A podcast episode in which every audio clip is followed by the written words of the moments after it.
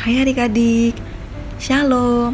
Kasusi lagi nih yang ngebawain Renungan Harian Audio Cerdas Berpikir. Edisi kisah-kisah dan tokoh-tokoh dalam Alkitab. Semoga kita bisa sama-sama belajar demi kehidupan yang lebih baik ya. Kita masih ada dalam pembahasan kisah pemusnahan Sodom dan Gomora. Soalnya kisah ini menarik banget untuk dibahas Utamanya sih bukan soal penghukuman kepada kedua kota itu ya. Adik-adik masih ingat kan renungan Rabu pekan lalu? Itu loh yang ngebahas kisah upaya Abraham supaya Sodom dan Gomora nggak dimusnahkan. Kejadian 18 ayat 32 mengisahkan begini. Katanya, Janganlah kiranya Tuhan murka kalau aku berkata lagi sekali ini saja sekiranya sepuluh didapati di sana. Firmannya, aku tidak akan memusnahkannya karena yang sepuluh itu. Ternyata Tuhan tetap memutuskan untuk memusnahkan kota Sodom dan Gomora. Itu artinya ternyata jumlah orang benar di sana kurang dari 10 orang.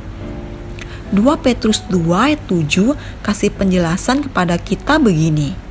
Tetapi ia menyelamatkan Lot, orang yang benar yang terus-menerus menderita oleh cara hidup orang-orang yang tak mengenal hukum dan yang hanya mengikuti hawa nafsu mereka saja.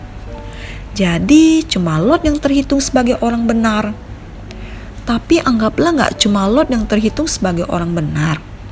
Kemungkinan yang terhitung sebagai orang benar juga itu ada istrinya, kedua anak perempuannya, dan kedua calon menantunya. Jadi total semuanya baru enam orang. Nggak nyampe sepuluh orang kan?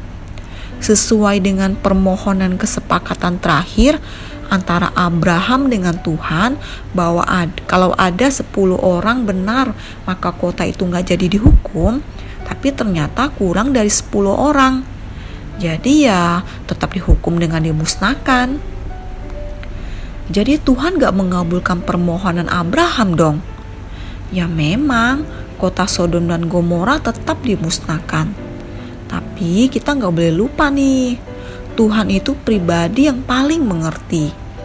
Dia tahu banget bahwa Abraham sebenarnya gak ingin Lot tertimpa hal buruk.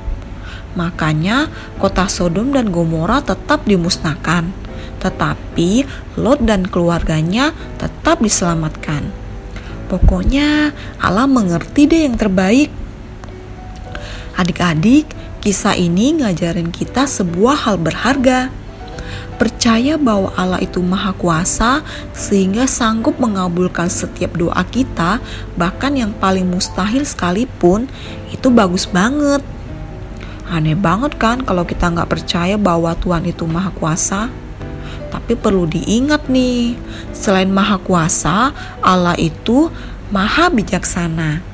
Dalam pertimbangannya yang Maha Bijaksana, Allah nggak selalu mengabulkan doa kita. Tapi dengan dia nggak mengabulkan doa kita, bukan berarti Allah itu kurang maha kuasa. Dia tetap maha kuasa, plus maha bijaksana. Mungkin doa kita nggak terkabul, tapi Kak Susi yakin nih bahwa penyertanya nggak akan pernah luntur. Hmm, kurang lengkap kayaknya ya kalau nggak ada contohnya.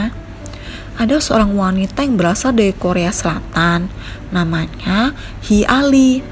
Dia terlahir dengan keterbatasan fisik. Total jari di tangan kanan dan kiri semuanya hanya empat. Di kanan dua, di kiri juga dua. Kakinya hanya sebatas lutut bukan hanya keterbatasan fisik aja, dia pun mengalami keterbelakangan mental.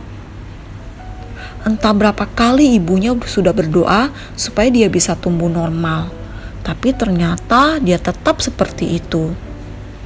Walaupun Tuhan gak mengabulkan doa ibunya, tapi dia mengaruniakan kemampuan spesial kepada Hi Ali, yaitu dengan bermain piano walaupun itu butuh proses yang sangat panjang. Kita yang total jari tangannya 10 aja susah ya main piano, apalagi dia kan. Tapi dengan kemampuan bermain pianonya, Hi Ali bisa bermain bersama pianis dunia, bahkan mendapat banyak penghargaan dan bisa sampai keliling dunia. Jadi ternyata memang Tuhan gak selalu mengabulkan doa kita, tapi justru di situlah letak kebijaksanaannya. Walau Tuhan gak mengabulkan doa kita, dia punya rancangan yang indah buat kita. Seenggaknya dia tetap menyertai kita. Dia adalah Allah yang paling mengerti banget mengenai kita. So, tetap percaya dan berharap hanya kepada Tuhan ya. Yuk kita berdoa. Bapa, kami bersyukur karena kami memiliki Engkau sebagai Tuhan yang bukan hanya Maha Kuasa, yang sanggup menjawab doa kami, tapi juga Maha Bijaksana. Oleh sebab itu, ketika ada doa dan permohonan kami yang tidak Engkau jawab, tolong ajarilah kami untuk menyadari bahwa Engkau pasti punya rencana yang jauh lebih indah dari apa yang bisa kami pikir dan harapkan karena Engkau adalah pribadi yang paling mengerti yang terbaik bagi hidup kami.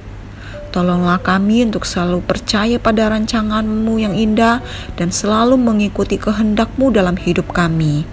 Terima kasih Tuhan, dalam nama Tuhan Yesus kami sudah berdoa dan mengucap syukur. Amin. Oke, tetap sehat, tetap semangat, dan tetap jadi berkat. Jangan lupa bahagia ya. Tuhan Yesus memberkati. Dadah.